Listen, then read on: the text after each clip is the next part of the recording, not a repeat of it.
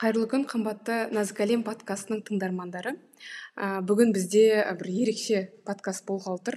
Ерекшелігі неде деп ойласаңыздар ә, бұл бір ресми подкаст болғалы тұр. Себебі мен алғаш рет ағай ә, мектеп директорынан мектеп түрінен иә сұхбат алғалы отырмын. Ә, таныстырып өтейін. Өзім білетін ғана ақпаратпен. Ә, спектрум халықаралық мектебінің директоры ғалымжан мырзахметұлы. Аға енді өзіңіз оқырмандармен танысып амандасып өтсеңіз білім саласында қанша уақыттан бері жүрсіз қай жерлерде қызмет еттіңіз? Ә, қайырлы күн барлықтарыңызға. Ә, рахмет жаннұр ханым осындай бір мүмкіндік бергеніңізге. Ә, өзімізді таныстыру арқылы біз мекеменің де біраз мәліметтермен де бөлісейік. Ә, есімім ғалымжан. Ә, мырзахметұлы қазір екінші жыл осы спектрум халықаралық мектебіндемін бұған дейін үш мекемеде жұмыс істедім. Ә, басшылық қызметте. Ыыы айта кетсем осы спектрум халықаралық мектебінің алдында көкшетау қаласында болдым. Білім инновация лицейінде. Ыыы одан бұрын қызылорда қаласында төрт жыл қызмет еттім. Ыыы қызылордадан бұрын қостанай қаласында мен ағылшын тіл пәні мұғалімі ретінде бес жыл жұмыс істеген болатынмын. Екі мың жетінші жылдан бері осы білім саласында келе жатырмыз өзім мамандығым ағылшын тілі пәні мұғалімі. Сол пән мұғалімі ретінде бастап оқу осы меңгерушісі болып енді қазір осы соңғы бес жылда басшылық қызметтемін. Күшті күшті. Сонда ағылшын тілі пән мұғалімісіз екі мың жетінші жылдан бастап иә? Екі мың екі мың сегізден екі мың сегізден бастап сонда қанша жыл он төрт жыл болды. Күшті. Осы білім саласындасыз білім саласында. Енді ә, маған қызықты енді қазақстанда қандай университетті бітірдіңіз? Қандай мектеп? Алматы қаласында абылай хан атындағы ыыы әлем тілдері университетінің ағылшын екі шет тілі бөлімі болатын ағылшын тілі негізгі ә, мамандығым. Ә, екінші тіл ретінде араб тілін ә, таңдадым. Өйткені араб тілі бізде ә, мен өзім ә, мектеп кезінде араб тілі бізге оқытылды. Өзім кентау қаласында оқыдым. Үш жылдай бір арабша оқығаным бар еді. Соны толықтырамын деген ниетпен сондай бір екінші тіл ретінде таңдадым.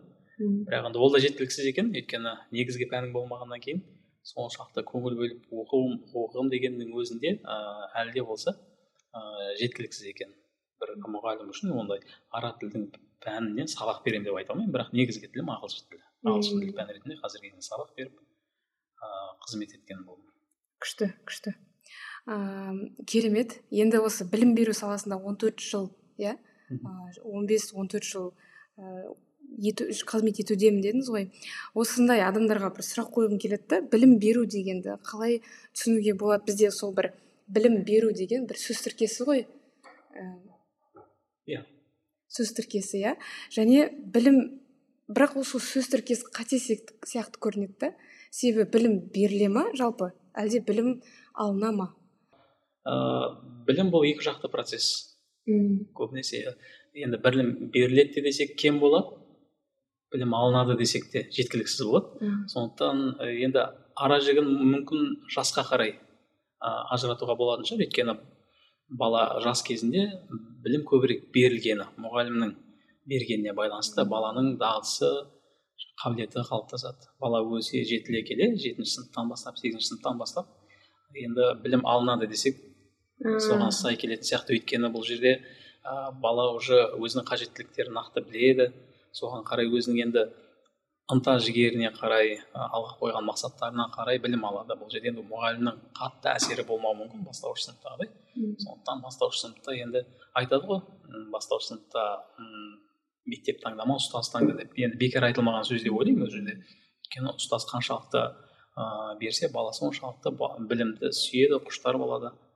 Жастарға білім жас кезінен мұғалім жақсы үйрете алса бере алса өзін білімді сүйдіре алса мм. ашылады деп ойлаймын. Күшті күшті күшті. Ә, қызық нәрсе айттыңыз сүйдіре алса білім алуды сүйдіре алса иә?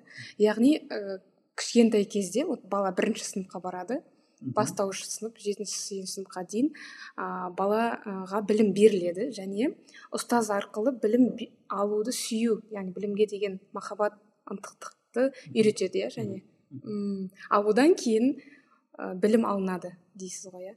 Енді толықтай емес. Енді ә, пайыздық көрсеткіш есептесек енді көбірек сияқты елу пайыздан көбірек сияқты балаға байланысты сияқты. Мм түсінікті болды иә. Әйтпесе мына сөз тіркесіне кәдімгідей келіспеушілігім бар еді. Енді түсінікті болды.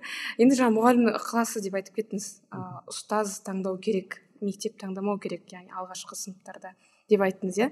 Енді мұғалімнің осы жерде ә, ықыласы қандай болу керек? Әне оқушының ынтасы маңыздырақ па бұл білім алуда білім берілуде? Әлде мұғалімнің ықыласы ма? Мұғалімнің ықыласы өте маңызды. Өйткені сіз біреуге бір нәрсе үйрет, үйретер кезде ә, ол беретін мәліметтеріңіз материалдарыңыз сабақтарыңыз бірінші өзіңізге қызық болу керек. Мм. Мұғалімнің мысалы енді мұғалімдік жылдарымнан білемін өзім де оқушы болған кезден білемін ә, мұғалім қаншалықты қызықты қылып сол материалды берген кезде өзін айтады ғой жаңағы ә, бүкіл түрлі форматтар қолданылады. Ә, актерлық шеберлігін қолдана алады ә, жаңағы айти қабілетін қолдана алады өзінің жаңағы ә, ораторлық қабілетін қолдана алады сөйтіп мұғалім өзі қызықса ол міндетті түрде 24 бала демей ақ қояйын жиырма жиырма баланың жиырма төрт баланың жиырмасы қызығатын шығар. Өйткені ә, енді қызықпайтын бала жоқ. Қызықтыра алатын мұғалім болса бәрі қызығады. Мм күшті күшті айттыңыз иә иә иә. Қызықтыра алатын мұғалім болса қызықпайтын бала жоқ. Күшті. Және осы кезде андай бар да ә, бір мұғалім айтады ә, оқушыларына сұраған ғой саған қандай пән қызық? Математика депті да. Неге десе себебі мұғалімі күшті. Жарайды иә, иә, қандай пән ұнамайды? Маған мысалға физика. Неге физика? Себебі мұғалім ұнамайды. Яғни көп нәрсе кішкентай балаларда көбіне мұғалімге байланысты болып кететін секілді иә.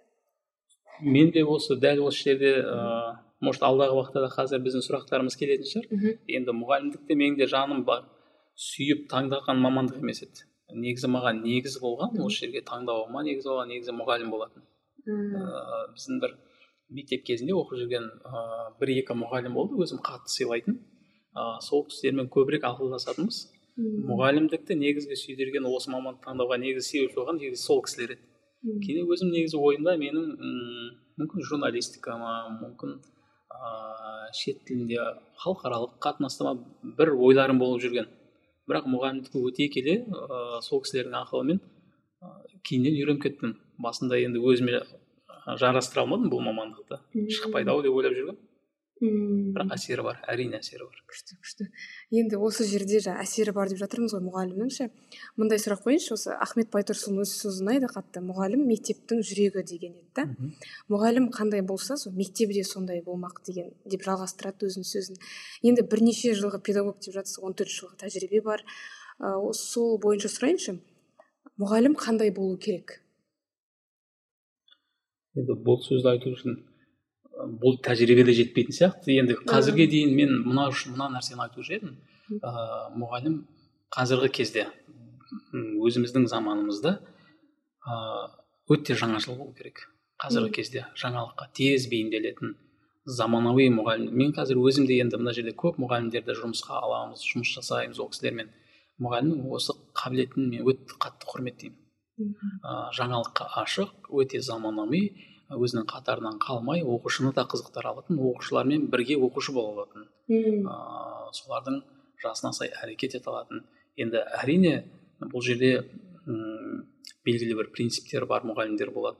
Бірақ ә, енді қазір былай қарап тұрсаңыз тез өзгеріп жатыр ғой. Қоғам тез өзгеріп жатыр жаңалықтар тез шығып жатыр. Бұған мұғалімдер өзгермей қалып қойса ә, балаға көп беретін ештеңесі болмайды. Сондықтан мен енді көп нәрсе айтуға болады. Қандай мұғалім болған деген кезде енді әрине адал мұғалім өзінде ә, бүкіл жақсылықты көрсете алатын мұғалім деп айта беруге болады. Мен бірақ баста қоюшы едім егер приоритетті менен сұрасаңыз заманауи өте жаңашыл түрлі форматтарды білетін мұғалімдер күшті күшті күшті.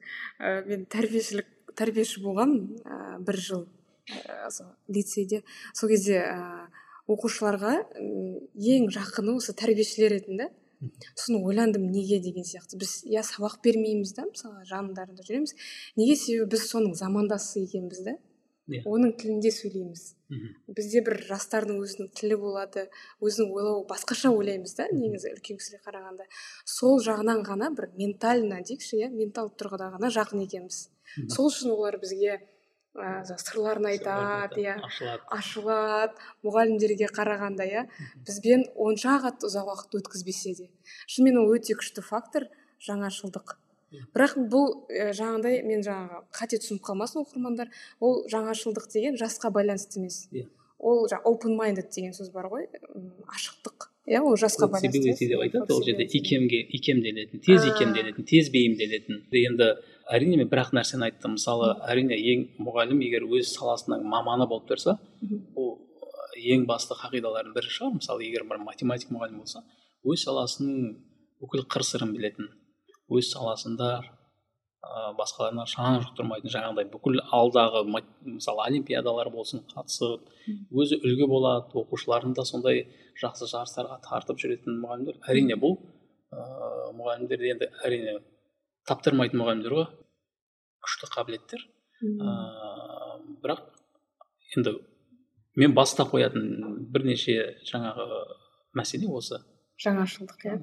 Күшті. Бұл жерде енді жаңағы ә, кейде ара жігін арама шектен шығып кететін мұғалімдер де болады. Жастармен енді жас болу керек деп бірақ бұл жерде субординация ұстана отырып иә. шектер болады. Енді мен айтып жатқан бұл жастардың тілінен гөрі жаңағы жаңалыққа тез бейімделетін ә, кез келген қандай енді қазірдің өзінде біздің ә, мемлекетіміздің ә, қалай дейін саясаты тез өзгеріп жатыр ғой. Білімге деген жаңағы жаңалықтар өте көп. Соған тез икемделетін соны тез қабылдайтын тез іске асыратын мұғалімдер оны айтып отырмын. Иә иә иә. Өте күшті айттыңыз. Мысалға мен ойлап қарасам қазақстанда осы соңғы он жылдықта білім беру саласында кәдімгідей үлкен үлкен өзгерістер болады да.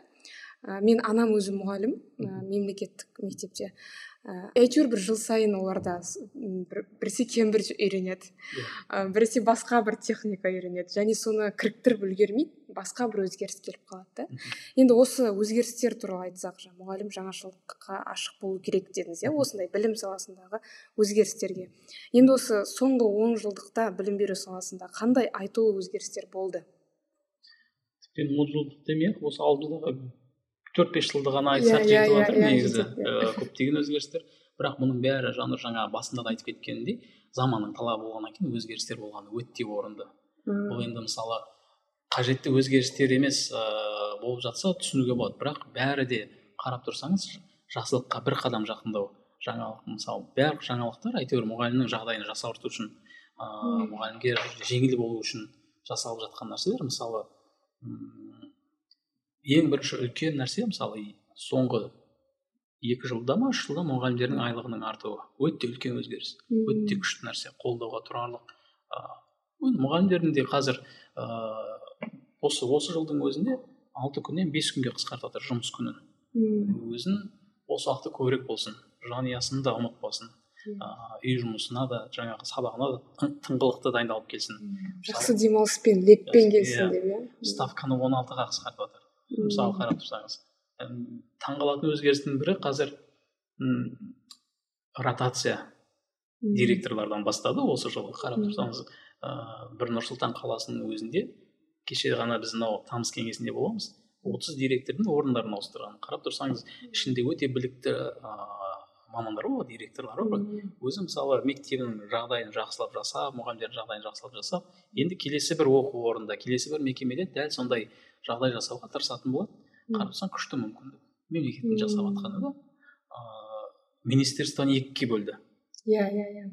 Оқу ағарту қылып және жоғарғы білім қылып эффект сразу байқалады. Оқу ағарту деген кезде уже бүкіл комплексный бүкіл білім, білім саласын емес уже нақты мектептерге оның ішіндегі жаңағы дарынды мектептер оның ішінде инклюзивті мекемелер соларға көңіл бөлініп жатыр. Айта берсем ол өзгерістер көп бірақ жасалып жатқан істің бәрі мұғалімдердің жағдайын жақсарту үшін. Мысалы ана бір ғана мысал мен өзім дарынды мектептерде жұмыс істеп келгеннен кейін білемін. Бізде енді дарынды балаларды дайындайтын мұғалімдер болады. Дарынды балалар көп олимпиадаларға қатысып орындар алатын. Бірақ қарап тұрсаңыз енді елеусіз қалып қоятын жағдайлар бар. Yeah. мысалы бүгін ғана көрдім жаңа ә, инстаграмнан қарап отырсам әр мысалы халықаралық дәрежеде алған балаға үш миллион бір нәрседен беріп жатыр да. Қарап тұрсаң өте үлкен мотивация. Иә иә балаларға және мұғаліміне бөлек. Мм. Бұның бәрі қолдау ғой. Демек үкіметтің саясаты министрліктің оған ақша бөлінуі барлығы әйтеуір жасалып жатқан тың өзгерістер енді оның ішінде жаңағындай ыыы бір екі жылда еніп бірақ қайтып сол бағдарламадан шығып кетіп жатқан да нәрселер бар. Енді ол иә, иә. енді көп өзгерістің бірнешеуі. Иә. Сонда өзгерістер бұл біздің дамып жатқанымыздың иә және мұғалімдерге ә, жағдайдың жасалып жатқанының белгісі иә. Тұрақсыздықтың белгісі емес қой иә. Тұрақсыздық деп айтпас едім. Өйткені ыыы тұрақсыздық деген нені білдіреді? Сіз бір программаны алып келіп енгізесіз оны қайтып алып тастайсыз. Сол программаны қайтадан алып келесіз. Сосын қайтып алып тастайсыз.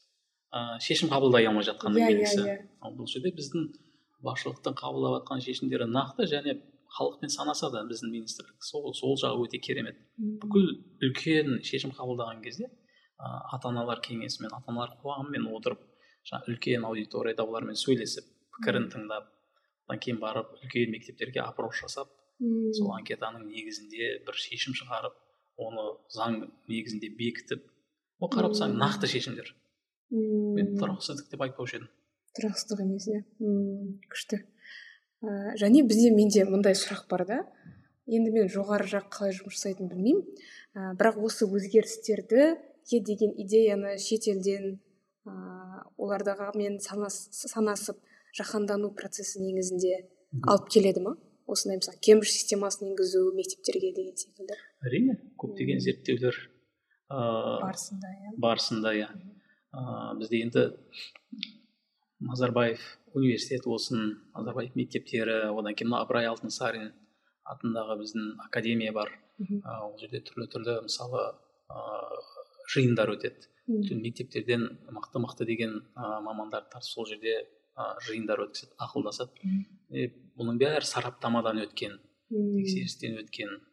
Одан кейін ыыы салыстыру салыстырылып бірнеше альтернатива дейді ғой иә, бірнеше yeah, иә, yeah. Иә. программаларды салыстырып оның ішінде қазақстанға ең тиімді келеді ау деген біздің менталитетке жақын ау деген mm. бағдарламаларды ә, мемлекет таңдайды деп ойлаймын күшті күшті енді мындай сұрақ қояйыншы осы тәрбиесіз берілген білім адамзаттың қас жауы деген әбу насыр әл фарабидің сөзі бар ғой енді біз ә, білім жайында айттық енді сәл тәрбиеге тілге бір көшсек иә осы біліммен қатар тәрбиені беруде қалай еңбек етуге болады?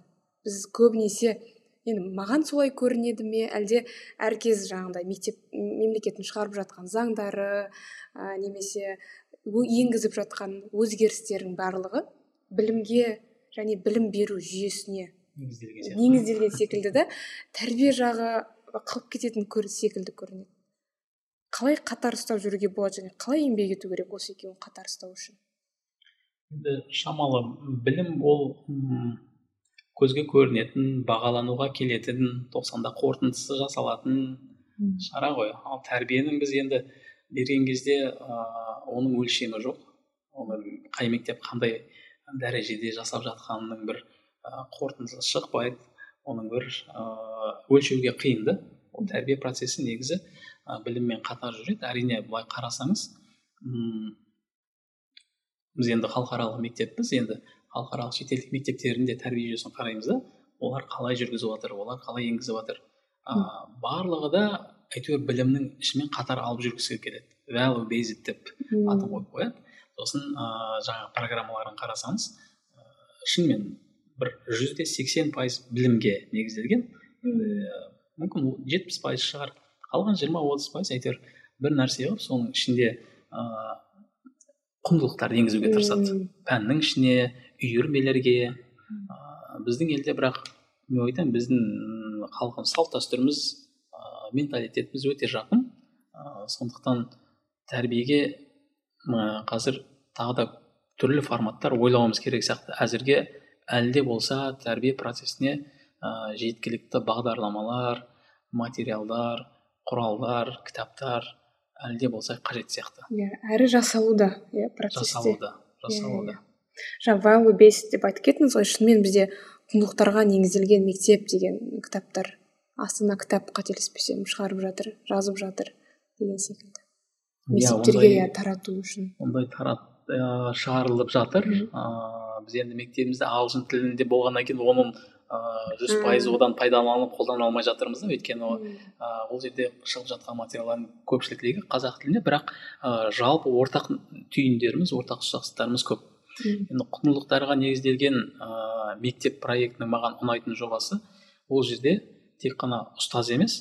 Енді мектептің бүкіл ә, жаңағы қалай дейін басшыдан бастап қызметкерге дейін барлығы бір айда бір құндылықты оқушылармен бірге атқаруы ол жерде енді бір ғана мысал берейін.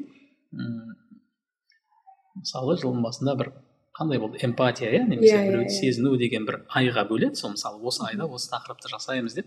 Сол жерде м бұны атқаратын бірінші басшы директордан басталады. Завучтар ыыы оқушы парламенті жаңағы мектептің басқару жүйесі ата аналар және мектептің техперсоналдар қызметкерлер барлығы жаңағы кіргендегі мектепте қарсы алатын жаңағы күзетшіге дейін ә, барлығы сол айда сол нәрсені жүзеге асыру керек деп келіседі. Жиналыс жасайды өз араларында көптеген осыны іске асырудың ә, іс шараларын ұйымдастырады бірлестіретін жақындастыратын мысалы эмпатияны ең жақсы ашатын нәрсе не болуы мүмкін? Бұл қайырымдылық жасау жәрмеңке жасау біреуге көмек беру ә, немесе бір жерге апарып оқушыларды ыыы бір көмек беруге немесе бір қалай дейін бір сезімдерін ояту. Сезімдерін ояту. Біз үлкен класстарды ыыы ауруханаларға апарып ауру кісілердің жағдайын түсіну үшін даже мынау түрмеде отырған кісілерге дейін барып көрсеткен мектептерді көрдім мен. Қызық қызық. Сондай. Бірақ шын мәнінде ыыы оқушыға жаңағы кері әсер етпейтіндей ықпал бермесеңіз жаңағындай бірақ күшті форматтарда ұйымдастыруға болады. Осы жер ұнайды маған. Бұл жерде енді ата аналардың өте белсенділігі қуантады кей мектептерде. Иә. Және ең қызығы ағай ол тек қана жаңа тәрбиелік яғни тек қана бір іс іс шаралар деңгейінде емес ол пәндік деңгейде де бұл іс жүзеге асады. Yeah. Иә. мәселен қазақ тілінде ә, дәл сондай бір мақалалар оқу талдау сол ә, эмпатияны арттыратын романдарда мысал келтіру.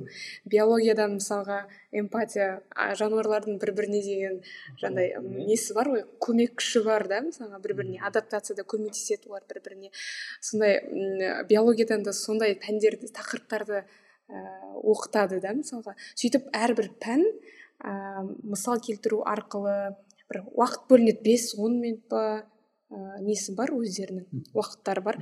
Сол уақытқа мысалы эмпатия тақырыбында барлық пән сөйлеседі да.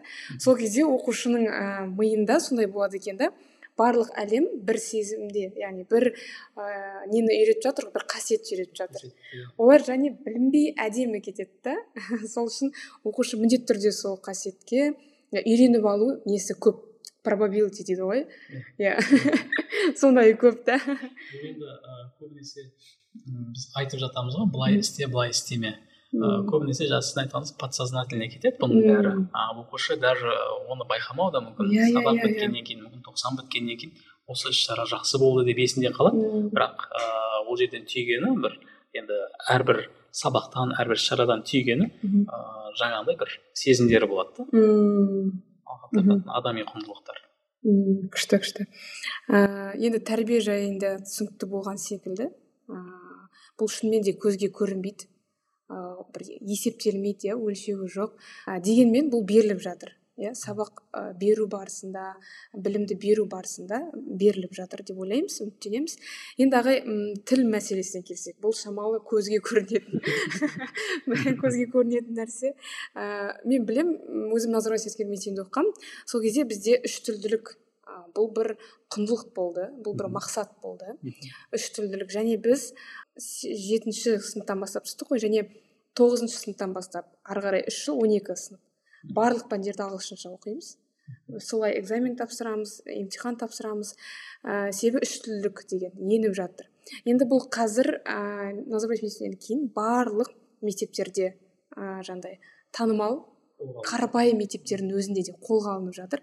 Және ә, жекеменшік мектептер ата ана өте осыған үштілділік дегенге әсіресе ағылшын тілінің күшті оқытылуына менің ойымша аса қатты мән береді де. Мысалға мектеп таңдаған кезде ата аналар бұл мектеп ағылшынша оқытады десе ол үлкен плюс болады да ата ана үшін осы мектепті таңдауға. Енді осындай м сұрақ қойғым келіп тұр. Енді өзге тілдің бәрін біл өз тіліңді құрметте деп айтқан ғой. Енді бәсекеге қабілетті ел болу үшін де бәлкім тіл, білу, тіл білудің шынымен маңызы шығар маңызды шығар. Бұл туралы да елбасымыз айтып кеткен. Енді өз тіліне құрмет дегенді қалай түсінген абзал? Басқа тілдерді оқып жүріп басқа тілде білім алып жүріп өз тілімізге деген құрметті м балаларда қалай сақтай аламыз? Басқа тілдерді және де меңгерудің маңызы қандай? Тым күрделі сұрақ болып кетті. иә өте күрделі және өте қалай дейін тонкий дейді әркімнің өзінің шамалы жағдайына байланысты. Да мысалы бұл жерде енді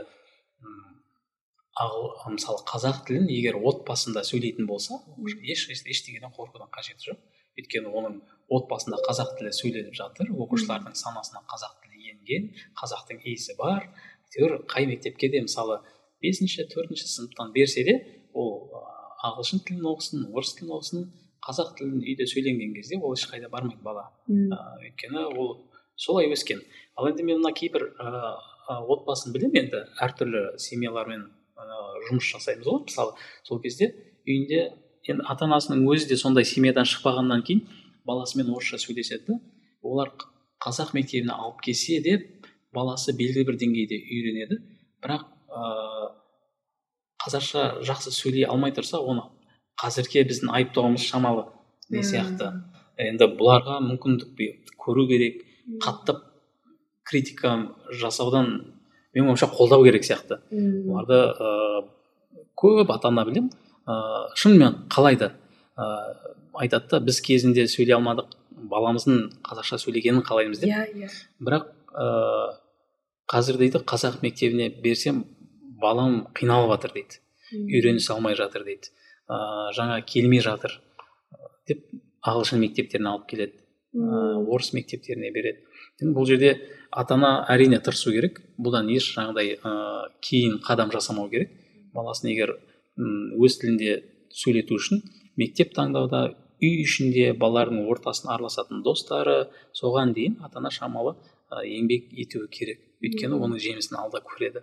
Мм. Ал енді шет тілін үйренуге келгенде ағылшын тілінің орны ол бөлек. Иә шет тілі деп қазір біз егер француз тілін айтатын болсақ неміс тілін айтатын болсақ оны енді ойлайтын едім студент жаста да қажет болса жұмыс істеп жүрген кезде де әйтеуір жұмыс істейтін деңгейде үйреніп аласың. Бірақ ағылшын тілдің сөйленуі ауқымы қазіргі кезде жылдан жылға мысалы ата ана қалай қарайды? Мен баламның келешекте назарбаев университетінде оқығанын қалаймын дейді мысалы.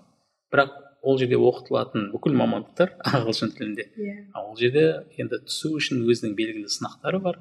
Ыыы оны еркін меңгеру керек.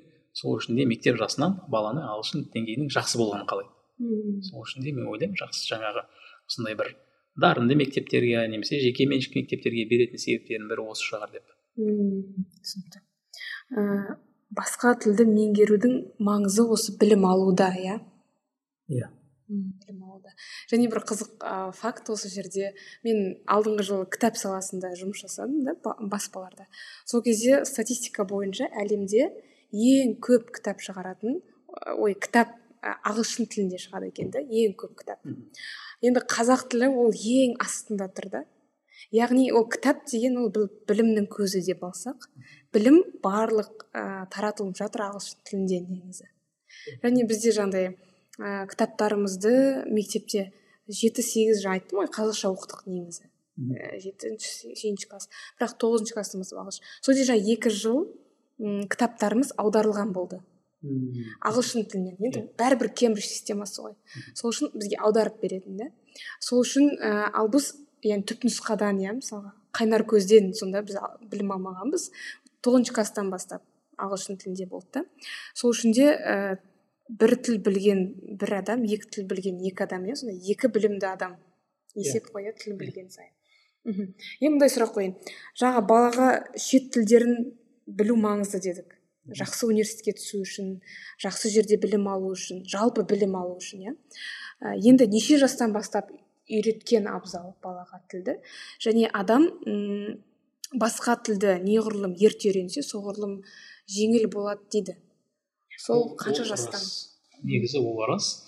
Ә, баланың енді тіл деген қарап тұрсаңыз бұл ә, жүре қалыптасатын дағдыға байланысты бұл нақты мәлімет жинау емес негізі. Ыыы ағылшыншада скиллс дейді ғой мысалы қарап тұрсаңыз жас кезінен бала егер бір тілге икемделетін болса ә, ол ә, балаға разница жоқ. Ол өзінің ана тілі сияқты оны қабылдай береді. Ә, бірақ жаңағындай ә, бірінші ана тілімен шатастырып алмасын деп ата аналар қорқатын болса бастауыш сыныпта мысалы балабақша кезінде қазақ балабақшасына қазақ мектебіне беріп ана тілінің өзінің ана тілі екенін сездірсе менің ойымша неғұрлым қанша шет тілін үйренуге бастар соғұрлым жақсы болады ыңғайлы болады потому что бұл жерде баланың ыыы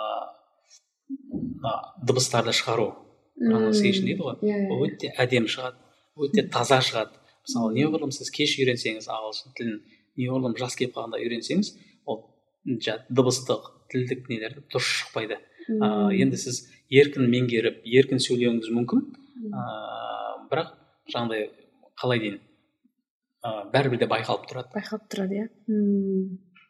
Күшті күшті. Ыыы сонымен неше жастан? Жастай дедіңіз да неше жастан бастап шет тілін?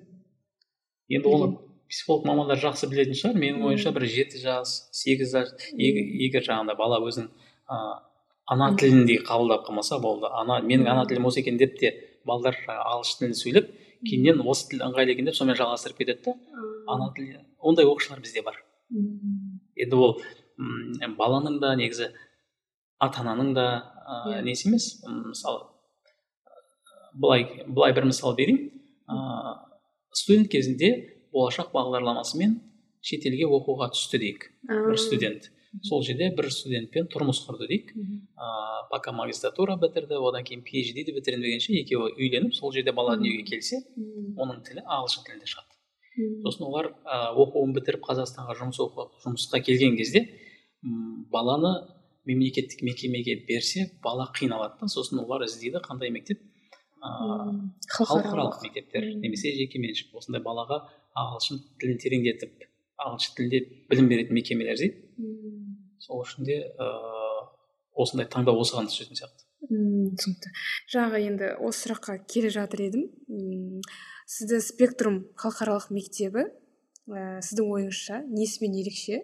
Және өзге мектептерден қандай айырмашылығы бар? Ә, мен бір кішігірім айта кетейін. Жаңа сіз айтып кеттіңіз ғой ә, тілі ағылшын тілінде шыққан оқушыларымыз бар. Балаларымыз бар. Олар қайдан білім алады иә? Мысалы олар осындай мектептер іздейді деп айтып қалдыңыз иә? Ә, және де тағы қандай ерекшеліктері бар? Негізі спектрум халықаралық мектебінің ашылу тарихы екі мың жетіде. Бұл мектепті халықаралық етіп ашу ойда да болмаған сияқты. Өйткені мен енді бұл кезде бұл мектепте жұмыс жасаған жоқпын. Бірақ қазір құжаттар негізінде былай қарасам ә, негізі нұрорда мектебі ашылған. Басында қазір біз нұрорда мен спектрум мектебі бір ғимараттамыз. Ә, нұрорда халықаралық мектебі ашылған.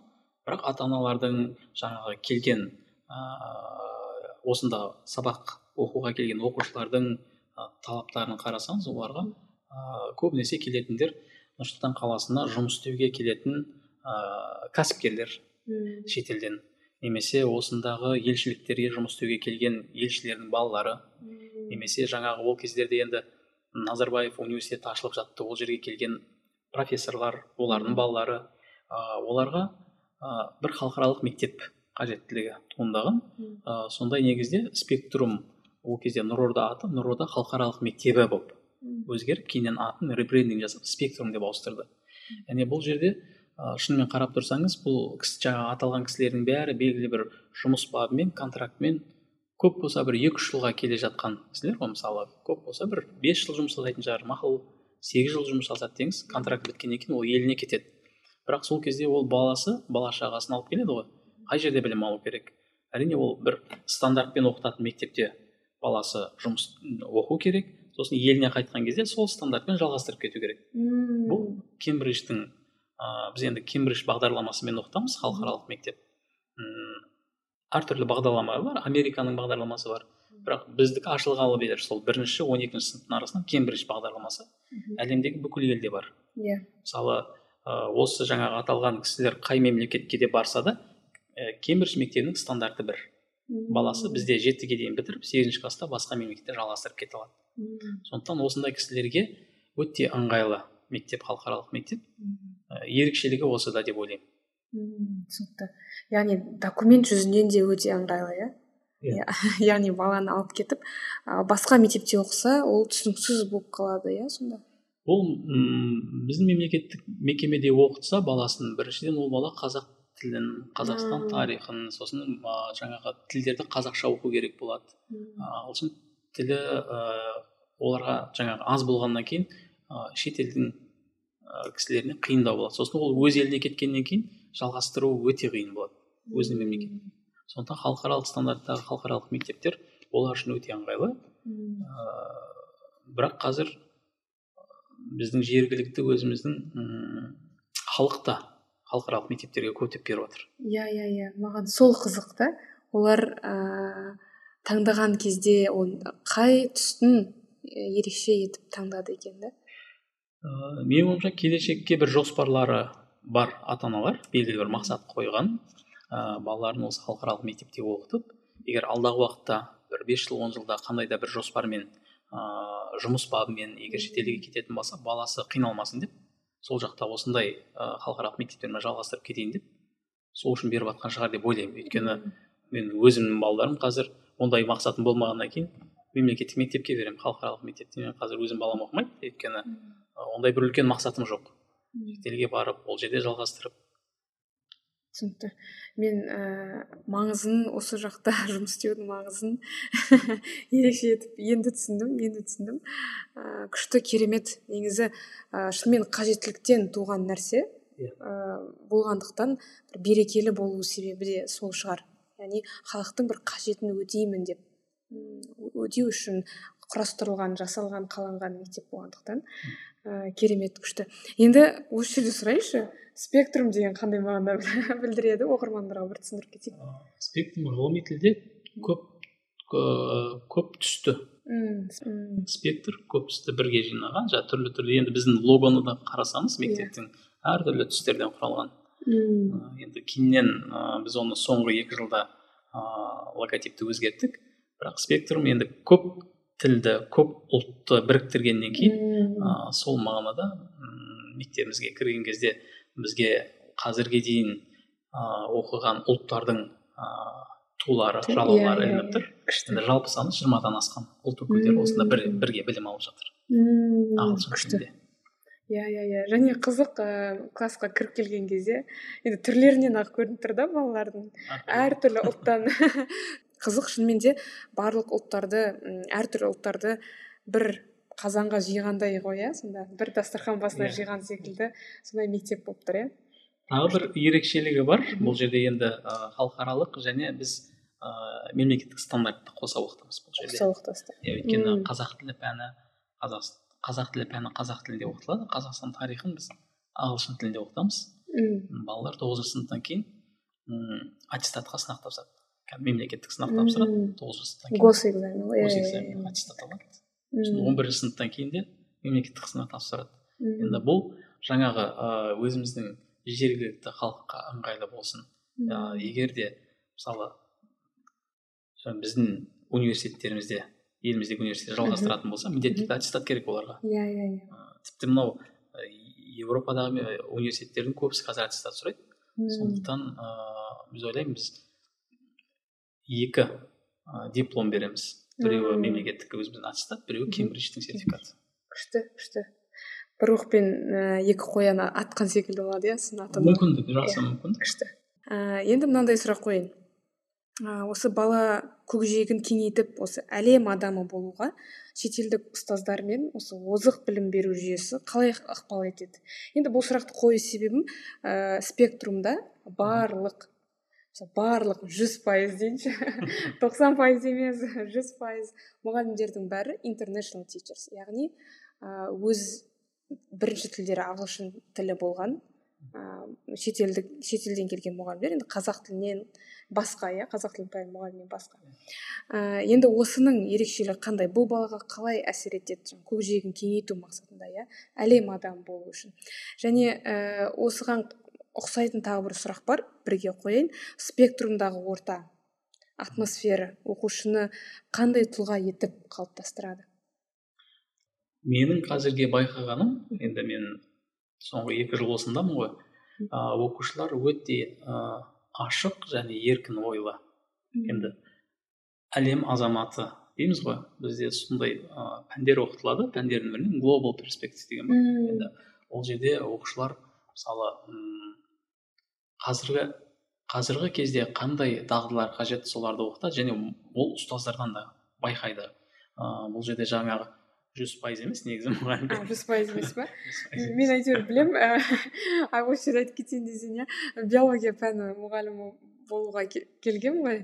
Бірақ ыыы сайенс тичерс дейді ғой жаңағыдай ғылыми пәндердің барлығы. Және ағылшын тілі пәні бастауыш мұғалімдері де енді мұғалімдер барлығы шетелдік болды да. Бірақ мұғалім көмекшілері деген мысалы иә лаб ассистент олар өзіміздің қазақ мұғалімдер. Жергілікті жергілікті иә. Сол жағын ұнайды да яғни главный пәндер иә басты иә пәндер. басты пәндер. Өйткені бұл жерде енді мм кембридж бағдарламасы болғаннан кейін ыыы сол пәнде сабақ беретін ыыы ұстаздардың кембридждің біліктілігі квалификация дейді ғой. Содан курстарынан өткен болу керек. Ол енді мм кембридждің курсын алу өте қиын. Мысалы оныншы он бірінші он екінші сыныптарда оқытылатын өзінің нелер сынақтың түрлері бар. IGCSE A level деген. Ә, одан сабақ беру өте қиын. Және мысалы бір ағылшын тілі пәнінің ана жердегі оқушының қарап тұрсаңыз мен өзім ағылшын тілі пәнінің мұғалімімін ана жерде сабақ бере алмаушы едім. Өйткені ә, деңгейі өте жоғары. Сондықтан да бұл жерде енді оқушылар бір жағынан ақылы болғаннан кейін кәсіби деңгейде білім алса деген енді алпыс мұғалімнің қырығы шетелдік. Мм. Жаңағы қалған жиырмасы қазақ тілі пән мұғалімі француз тілі орыс тілі деген сияқты. қазақстан тарихта ағылшынша беретін мұғалімдер. Қызық қызық. Енді осы спектрумдағы атмосфера туралы айтайықшы. Атмосфера өте жылы. Ыыы ұстаздар болсын оқушылар болсын. Енді бұны біз өзімізді өзіміз айтпаймыз ғой ата аналардан менің, менің еститінім иә. балалар. Спектрді өте жақсы көреді. Жылы атмосфера бар. Енді мүмкін болғанша жаңа жыл өзіміздің сұхбаттың басында да айтып кеттік қой. Құндылыққа негізделген білімді ә, қолымыздан келгенше енгізуге тырысып жатырмыз.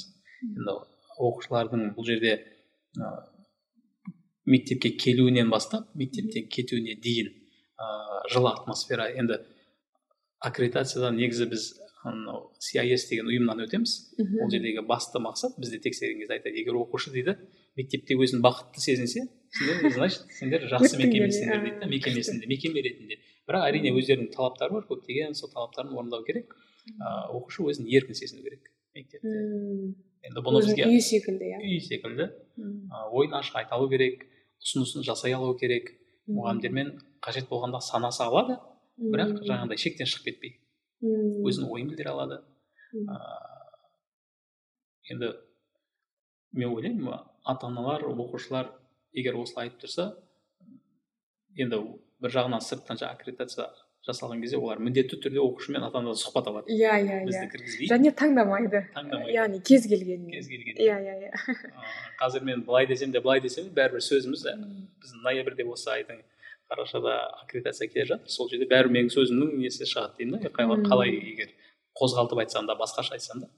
Бірақ қазірге дейін шүкір жаман емес енді мындай сұрақ қояйын. Жаңа сіз айтып жатсыз ғой біздің ә, мұғалімдеріміз керемет барлық кембридж тестінен біліктіліктен өткен ә, мұғалімдер.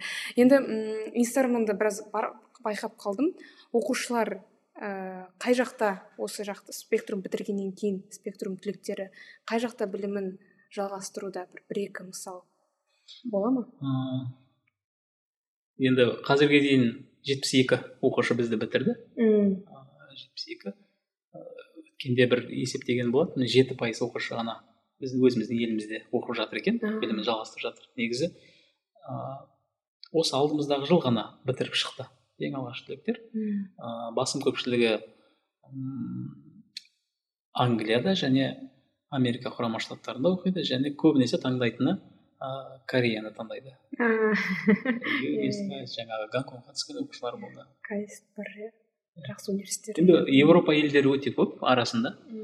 Оқушылардың өйткені бұл жерде спектрумға келген оқушылардың көбісі уже болашақ мамандығын біліп иә таңдап сол жаққа. Енді мен айтпаймын мысалы барлығы грантта оқып жатыр деп. Бірақ оқушы өзінің семьясымен иә жанұясымен ақылдасып спектрумды бітіріп енді спектрумға келіп ақыл оқып жатқан болса оның университетте де қиындық тудырмау керек. Ыыы қалаған университетінде оқып жүрген шетелдік мысалы университетте оқып жүрген оқушылар өте көп. Күшті. Ә, енді мындай сұрақ қояйын. Қандай жетістіктері бар екен оқушылардың? Бірақ ашылғанына айтып ғой бірінші түлек алдыңғы жылы ғана шықты иә? Университеттен бітірді. Университет бітірді. университет бітірді. А түсінікті түсінікті түсінікті. Енді мындай сұрақ мысалы оқушылардың қандай бір ә, айтулы жетістіктері бар? Ә, жетістік қазір осы ең соңғы жетістік бізде жаз айында болды. Ә, халықаралық аймео деген математикалық олимпиададан. Математикадан оқушымыз алтын медаль алды. Мм күшті. Оның алдында екі мың он тоғызыншы жылы енді ол кезде мен жоқпын. Бір оқушымыз кембридж университетіне фул грант дейді ғой. Негізі ол жерге фул грант дейді. Алу өте қиын екен. Иә иә. Соған түскен оқушымыз бар екен. Күшті. Күшті бастылар осы шығар. Енді керемет. Иә. Ыыы осымен біздің негізгі бөлігіміз аяқталды негізі білім беру саласында. Бірақ менде бір сұрақ қалып кетті да. Мана біз сұрадық ә, мұғалім қандай болу керек деп. Бірақ мен сұрамай қалыппын да оқушы қандай болу керек деп. Себебі мен подкастты тыңдайтын көбісі ә, біз енді өмір бойы оқушымыз ғой негізі. Өмір деген бір мектеп болса біз оқушымыз. Ә, жалпы мен нелерді тыңдайтын көбінесе статистиканы қарадым подкасттың. Сол кезде қалай? Жиырма бес отыз бес арасы.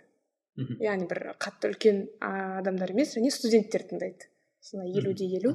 Енді мындай сұрақ ыыы оқушы қандай болу керек? Шәкірт қандай болу керек? Өте күшті сұрақ. Не үшін айтайын ба? Аха. Әр мектептің өзінің ыыы миссиясы болады ғой. Миссиясына қарасаңыз олар әдемі сөздер тауып алып жазып қояды бұл не деген сөз? Ә, сол жерде бес жыл бойы оқып шыққан оқушы ә, сол модельге сай болса деген үміт қой. Ә, мысалы өзіміздің біздің мектептікі ә, бәсекеге қабілетті ә, жаһан азаматы бола алатын ә, және отандық халықаралық бағдарламаларды бойына сіңірген құндылықтарды бойына сіңірген ә, деп өзіміз миссиямызды жазып қойғанбыз. Ә, бұл миссия бұл барлығымызға бір міндет. Оқушымыздың сол модельде болғанын қалаймыз. Енді мен ойлаймын оқушы қандай болу керек? Оқушы ә, дәл осы миссияға сай болса керемет болу үшін енді сол үшін де ұстаздар ә, мектептің басшылығы мектептің жаңағы қамқоршылық кеңесі ыыы біздің жаңағы учредитель дейді ғой солардың барлығын ала қойған мақсатымыз осы негізі. Бүкіл оқушыларымыз ә, осы қойған критерийлерге сай болса.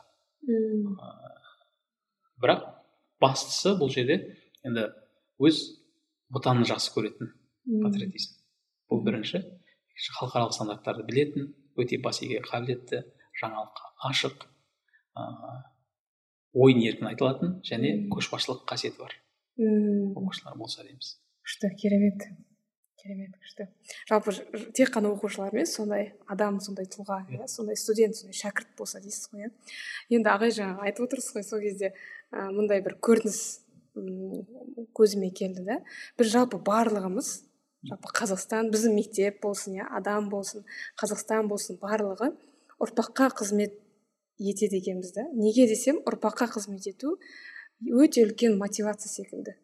Мәселен мен жаңа жолда ойландым да жаңа жолды дұрыстап жатыр. Жаңа адамдар жүретін жолды сосын ойлаймын да не үшін жолды астанадан қайта қайта жөндей береді? Неге себебі біздің балаларымыз сүрініп кетпес үшін жаңағы аналар ә, коляскада жүрген кезде ыңғайлы болу үшін. Мектепке келе жатамын не үшін осындай қымбат мектеп салынды деген сияқты ой болды да. Бұлар тағы да ұрпақ үшін. Әдемі ғимараттар әдемі үйлер салады да. Не үшін бұған жаңа ата ана енді м сол мектептерді ой үйлерге тұруға тырысады ғой. Сол үйлерді сатып алуға тырысады. Не үшін себебі ол да баласы жақсы бір ыңғайлы атмосферада ыңғайлы үйде өмір сүру үшін. Көбісіне сондай мотивация да? Яғни біздің әлемдегі қазақстандағы иә әлемді білмеймін енді бірақ қазақстандағы көп ең үлкен мотивацияның бірі осы ыыы ұрпақ секілді ұрпаққа қызмет ету секілді. Енді кімнен сұрасаңыз айтады бала шағаның қамы деп. Иә иә иә. Иә иә иә. Бірақ ол үшін ыыы бала тәрбиесі балаға білім беру кәдімгідей еңбекті қажет етеді. Негізі біз қалаймыз ғой қалау жеткіліксіз.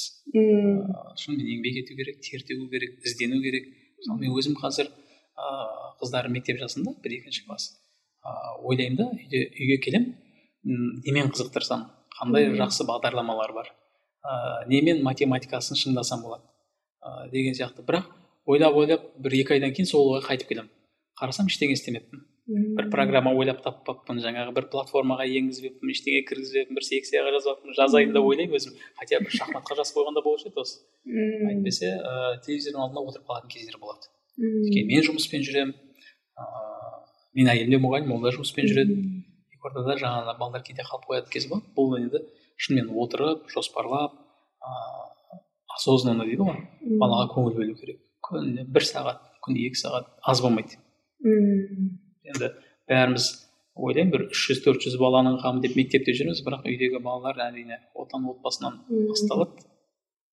Иә күшті инсайт айттыңыз еще ағай мен анда бір кісі сұрақ қалды менен инстаграмда. Не үшін подкастты аштыңыз? деген секілді. Сосын мен ойлаймыншы мен не үшін аштым? Бірақ кейін ойлап қарасам ең бірінші менің мотивациям сіңілім болыпты да. Туған сіңілім менен алты бес жас кішкентай. Оған осындай бір ә, жақсы адамдармен сұхбат құлағына барсыншы қазақ тіліндегі деген секілді мотив болыпты. Енді кітап жазу жұмыс істедім сол кезде кітап жазған адамдардан сұраймын ғой не үшін жаздыңыз? Олар айтады мен балам үшін балам өсіп келе жатыр өскенде оқиды. Мен немерем үшін ә, мен інім үшін жаздым деген сияқты. Яғни ә, шынымен де жаңағыдай ә, елге қызмет ету өзімізден басталады да. Жаңағыдай сіңілімізден інімізден жаңағыдай баламыздан деген секілді иә. Және солай елді де отанды да әлемді де қамтып кете алатын секілді. Күшті. Ә, так енді аяқталды біздің білім беру саласы деп әлі аяқтай алмай. Сіздің тағы қандай ә, мен әдетте осылай сұраймын адамдардан. Ә, сіздің айта алмай қалған айтқыңыз келіп кеткен бір нәрселер бар ма осы негізгі бөлімден? Негізгі бөлімді қамтыған сияқтымыз. Қамтыған сияқтымыз иә. Жақсы. Енді ә, блиц сұрақтарға көше берсек ә, бұл блиц сұрақтар айдары бұл жақта енді ұзағынан жауап берсеңіз де болады. Ә, біздің жаңағы сіздің мамандығыңызға директорлығыңызға ә, педагогика саласына еш қатысы жоқ. Жай тұлғалық иә. Ә, және мен айтып кетейін подкаст жайлы бәлкім сіз білмейсіз. Ә, подкастта әдетте өзіме қызықты және өзін қалыптастырған тұлғалардан әдетте аламын. Және қызығы. Олар осы негізгі бөлімде емес осы блиц сұрақтарда ашыла бастайды да. Сол кезде олар жаңағы тұлғалығы ашыла бастайды. Ә, бір ерекше бір қабілеттері жаңағыдай бір мінезі ашыла бастайды. Сол үшін бұл да бір маңызды бөлім. Ә, немқұрайлы қарамаңыз деп қояды. Ә, бастайық иә? Сұрақтар келетін сияқты. Иә қызық сұрақтар келеді. Ә, бірінші сұрақ. Анаңыздың қандай қасиетін қыздар үшін үлгі етіп айтар едіңіз? Қыздар үшін ба білмеймін. Ыыы мен өзіме бір қатты ұнайтын бір қасиеті бар анамның. Өте тәуекелшіл кісі. Андай бір қалай тәуекелге баратын кісі да мен көп жағдай болды. Әкем негізі қадағалайтын анам да қадағалайтын андай бір қиын кездерде анамыз шешімді жақсы қабылдайтын бірден қабылдайтын. Біз енді әкемді білемін ғой өзім перфекционист шамалы. Бүкіл нәрсені есептеп алдын ала уверен болмаса өзі ондай негізі бара қоймайды. Бірақ ыыы анамыздың кейбір қадамдары біздің мысалы оқуға түсуімізде біздің бір мысалы шетелге шығуымызда немесе басқа жерде болған кезде ыыы кейіннен артқа ойланып қарасам өте орынды шешім қабылдаған екен. Осы ойлаймын да. Демек негізі еріксіз стильде болу керек қасиет қой бұл негізі. Иә иә осы үшін мен анамды ыыы құрметтеймін. Кейде мысалы өйткені әкем шамалы не істейді артқа тартыншақтайды да өйткені жаңағындай қорқады уайымдайды рисктерді ойлайды ғой. Иә өзіміздің анау ыыы туған қарындасым бір шетелге магистратураға түскен кезде шайқас болып кеткен үйде. Сол кезде анамның жаңағыдай айтқаны ғой ештеңе қылмайды оқиды деп ше. Мысалы сондай сондай кездерде роль ойнап кетеді да сол жері маған қатты ұнайды. күшті күшті. Иә ыыы тәуекелге бару деген меніңше жаңағыдай жыныс таңдамайды. Иә шынымен де ер адамға да әйел адамға да керек ы қасиет секілді. Ыыы әсіресе айтайын ба қыздар неге шынымен өте күшті тәуекелшіл қауым екенін? Себебі олар тұрмысқа шығады ғой. Мүлде бөлек қауымға барады. Мысалы мүлде бөлек отбасына барады. Мүлде бөлек жаңағыдай тради жаңағы дәстүрдің отанына барады да. Сол үшін негізі барлық қыздарда қыздарға бір берілген сондай тәуекел болу қасиеті. Тәуекелдің атасы сол жерде иә тәуекелдің атасы сол жерде жасайды. Сол үшін жаңағыдай бұл тек қана ер адамның ә, мінезі қасиеті деп айтуға болмайтын секілді ше маған ше. Ә, екінші сұрақ ә, кішкентай әдеттер өмірімізге үлкен өзгерістер алып келеді ғой. Мысалы жаңағы atomic habits дегенде атомдық иә habits деген осындай кітапта бар да мысалы атомдық өзгерістер алып келе алады. Сізде өміріңізде көп пайдасы болған қандай әдетіңіз бар? ыыы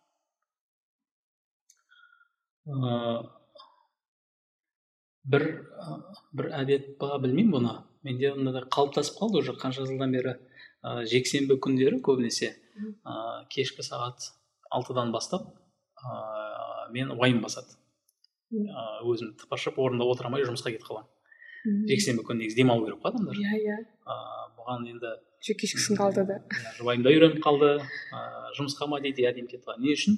Өйткені мен жексенбі күні сол үш сағат отырып бір аптаны жоспарлайды екенмін. Бір аптаны жоспарлап сол кезде көңілім тыныштанады үйге бір.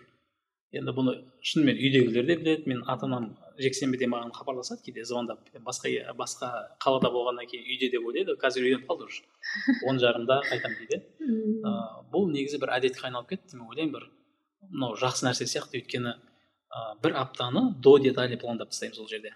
Дүйсенбі күнгі жоспарлар жаңағы жиналыстарымыз кездесетін адамдар сұхбаттар. сұхбаттар қарап тұрсаңыз бұны одан кейін аптаның ішінде спокойно жүремін бұл енді маған ешкім былай жаса деп айтқан жоқ.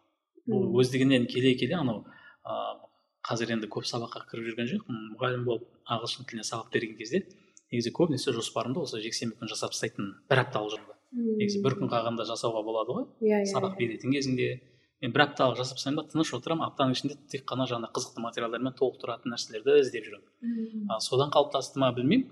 Осындай бір әдет бар менде. Күшті күшті әдет екен. Бірақ қазір енді ыыы басшылық қызметте болсам да білмеймін тыпыршып тұра алмаймын кетіп қаламын жұмысқа. Енді аптамды жоспарлап кешкі жақын келіп сосын ұйықтаймын.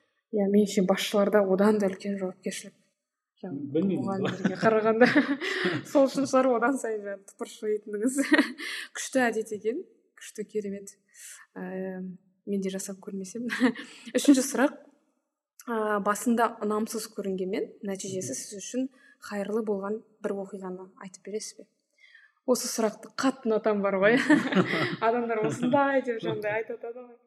Ондай бір керемет ы, оқиға есімде жоқ бірақ мұғалімдік. Мен негізі ііі арты соңы жақсы болған шығар. Мен жаңа басында да айттым сұхбаттың мұғалім болуды еш қаламағанмын негізі ыыы болуды ойламағанмын жаңағы мұғаліміміз біздің соңғы жылдарда давай ы, білмеймін. Енді мен бойымнан бір нәрсе көрді ма сені осы мұғалімдікке берейік осы жерге не істейік дегеннен кейін негізі өзім мұғалімдік оқып жүріп төртінші курста жұмыс іздеп жүрмін негізі. Төртінші курста университет оқып жүрген кезде енді менің курстастарым да өзі алматыда оқығаннан кейін мүмкіндік көп болды. Иә иә. Түрлі түрлі жерлерде жұмыс істеп жатыр мен де жұмыс іздеп жүргенмін. Мм. сонымен ол жерде тағы бір кісімен кездестірдім.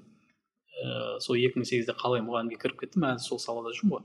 Бірақ осы он үш он төрт жылда қараймын ыыы өзім үшін емес ы басқаларға жаңағы септігім көп көбірек тиген екен. Мысалы өзімнен кейін қарындастарым інілерім туысқандарым ыыы өсіп келе жатыр. Бағыт бағдар болсын оларға жаңағыдай бір ыыы білім беру жақсы мектеп таңдауға көмектесу жақсы университет таңдауға көмектесу қарап тұрсам ы өзімнен көрі өзгелерге шамалы көбірек пайдам тиіп жатыр и мен ойлаймын ыыы демек маған комфорт болмауы мүмкін. Қазір енді жақсы нормально бәрі үйреніп кеттім.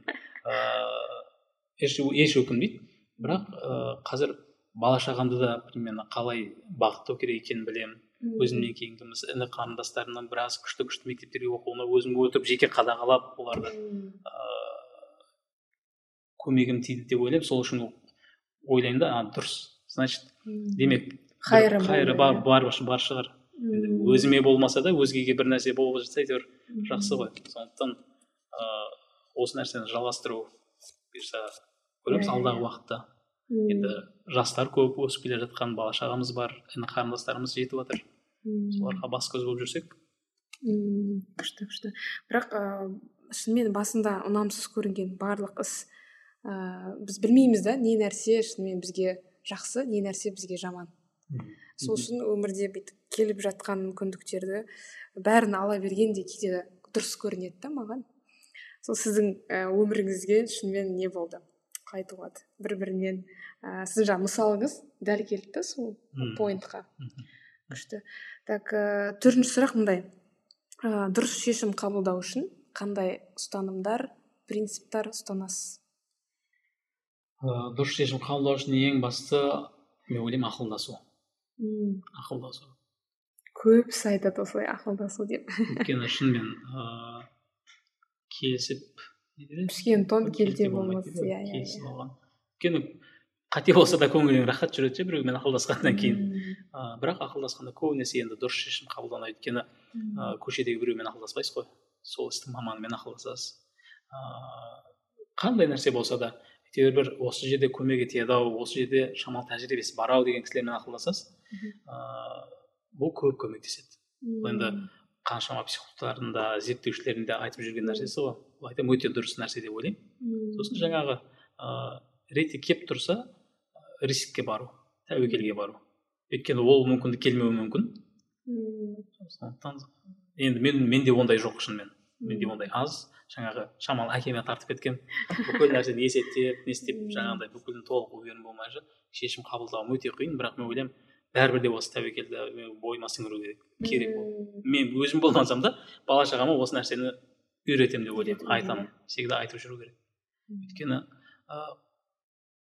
қорқа берсе нәтиже жақсы болмаса былай білмеймін енді. Жаман болмаса жақсы болмайды. Өкініп қалатын сияқтысың иә иә. Мен де байқадым осы астанаға келгелі бері андай бір мүмкіндіктер келеді да. Сосын мен ойлаймын жарайды оны кейін қарармын деген секілді. Сосын қайтадан жазамын сол адамға жаңағыдай мүмкіндік бар ма деген сияқты. Жоқ өтіп кетті. Иә заман өтіп кетті. Сосын эх деп қаламын да. Сосын қызық болды иә сондай шынымен де мүмкіндік келсе рискке барған дұрысырақ.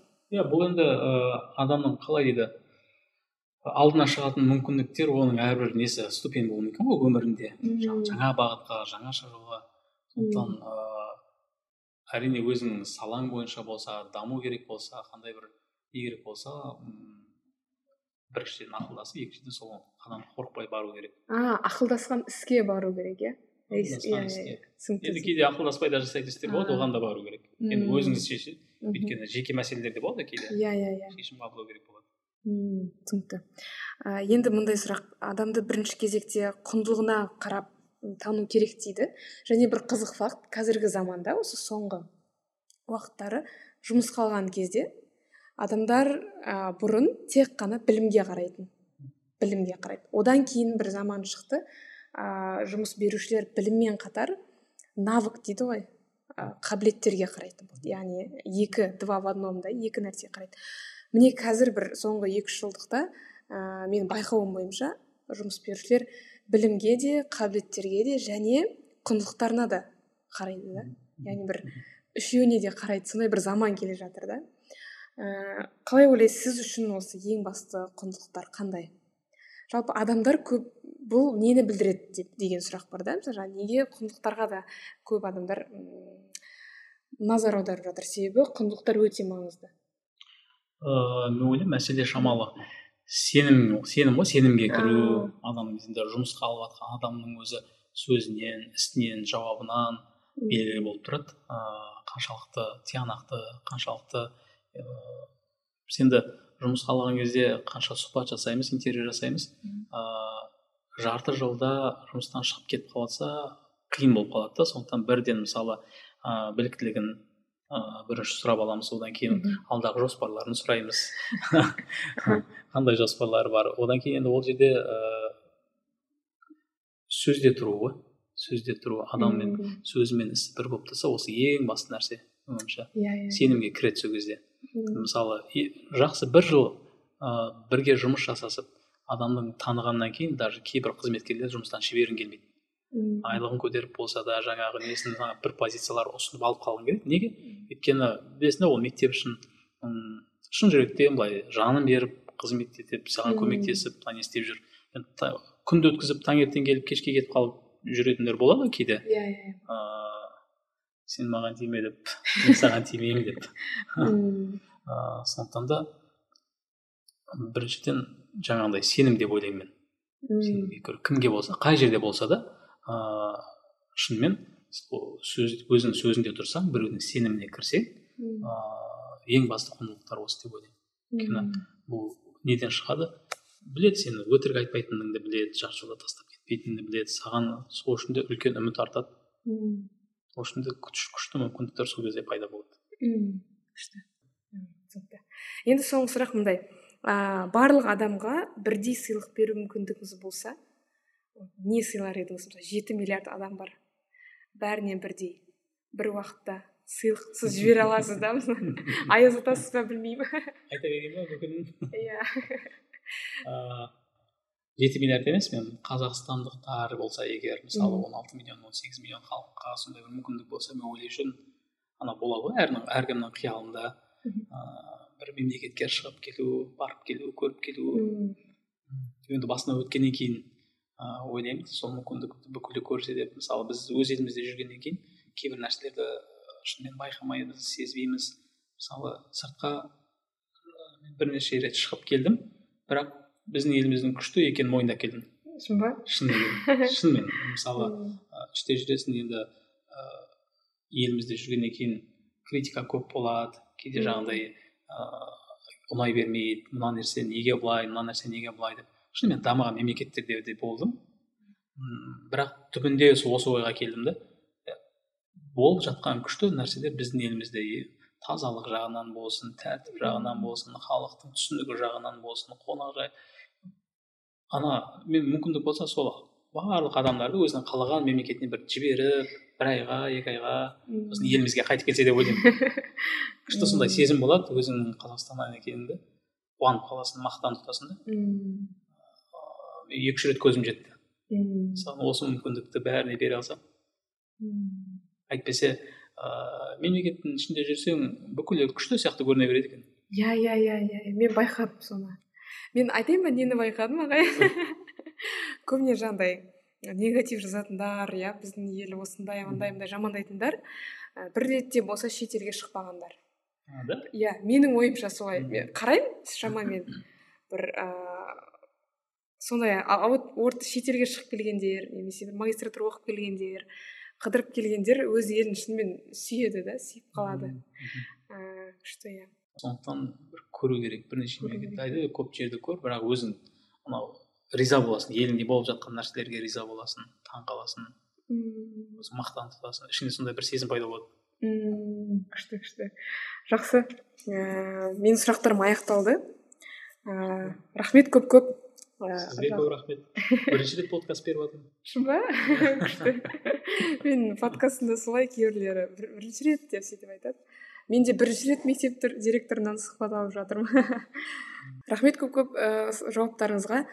Бұйыртса елімізде жақсы білім алуға байланысты жақсы өзгерістер күтеміз. Жақсы ұрпақтар күтеміз. Шынымен ұрпаққа қызмет ету ең күшті мотивация екен да. Себебі мектепке келерде ойлаймын да так мен бүгін не істеймін не үшін барамын. Сол кезде ең күшті тапқан мотивациям сол болды. Яғни ұрпақ үшін пайдалы болу. пайдалы болу қызмет ету. Себебі ана жолдан шығып кетті ана. Жолда ағайлар мысалға білесіз ба таңертең иә суық қой мысалы астанада ше суық бірақ жолды жасап жатады адамдар жүретін жолды. Түнде мысалы қыста да мысалы кешке дейін күшті ғимараттар үйлер жилой комплекс дейді ғой үйлер салып жатады. Бәрі ұрпақ үшін секілді. Иә. Қазақстандағы барлық өзгерістер ұрпақ үшін секілді иә яғни біз үшін біздің ұрпағымыз үшін секілді. Ә, сондай бір осындай өзгерістерге лайықты ұрпақ болуды және сондай ұрпақтар жақсы ұрпақтар тәрбиелі саналы ұрпақтар тәрбиелей алуымызды мұғалім ретінде ата ана ретінде тәрбиелей алуымызды нәсіп етсін рахмет сізге көп рахмет ыыы енді ойлаймын ыыы қазір енді қазірдің өзінде ыыы нұр сұлтан қаласының өзінде осы жылы он бес жиырма мектеп ашылып отыр. Мм. Ыыы кеше жағы тамыз кеңесінде білім басқармасы көрсетіп отыр алдағы үш төрт жылға кемі он бес мектептен ашылып жатыр күшті. Ойлаймын бұл өте бәсеке болады алдағы уақытта. Ыыы мұғалімдерді жаңағыдай өздерін жетілдірмесе мұғалімдер қалып қояды. Ыыы өйткені өте мектептер саны өте көп ыыы оқушылар енді мектеп таңдайтын болады. Ол мектептерге сапалы мұғалім керек болады. Деп ойлаймын енді қазақстанның болашағы күшті болып келе келетін сияқты алдағы жылдарда. Мұғалімдердің сапасы бір жақсы ыыы жұмыстар жасалып жатыр жобалар жасалып жатыр. Ыыы біздің еліміз әлі де жоғарыдан көрінетін сияқты. Иә әлі де болашағы жарқын сияқты. Енді тіл көзден сақтасын әрине осылай енді осындай қарқынмен біз кете беретін болсақ ыыы ойлаймын мынау жақын азия елдерінде еуропа елдеріне қатарлас болып қаламыз. Соған жеткізсін біздің жастар. Ыыы қазақстандықтар өте енді шет елдің ә, азаматтарының айтқаны ғой мен өзім енді өзім шығарып иә yeah. өте ақылды дейді да біздің халық. Және тез адаптация болады дейді бізде. Меніңше бұл біздің қанымызда бар бейімделушілік. Неге дейсіз ғой ағай? риторикалық сұрақ. Себебі біздің ата бабамыз ә, көшіп қонып жүрді ғой. Тез тез бейімделетін меніңше. Әртүрлі жаңағыдай жерге әртүрлі климатқа. Сол үшін қаннан берілген қаннан берілген рух бар иә. намыс бар. Қайда барады дейсіз ғой? Қайда барады иә.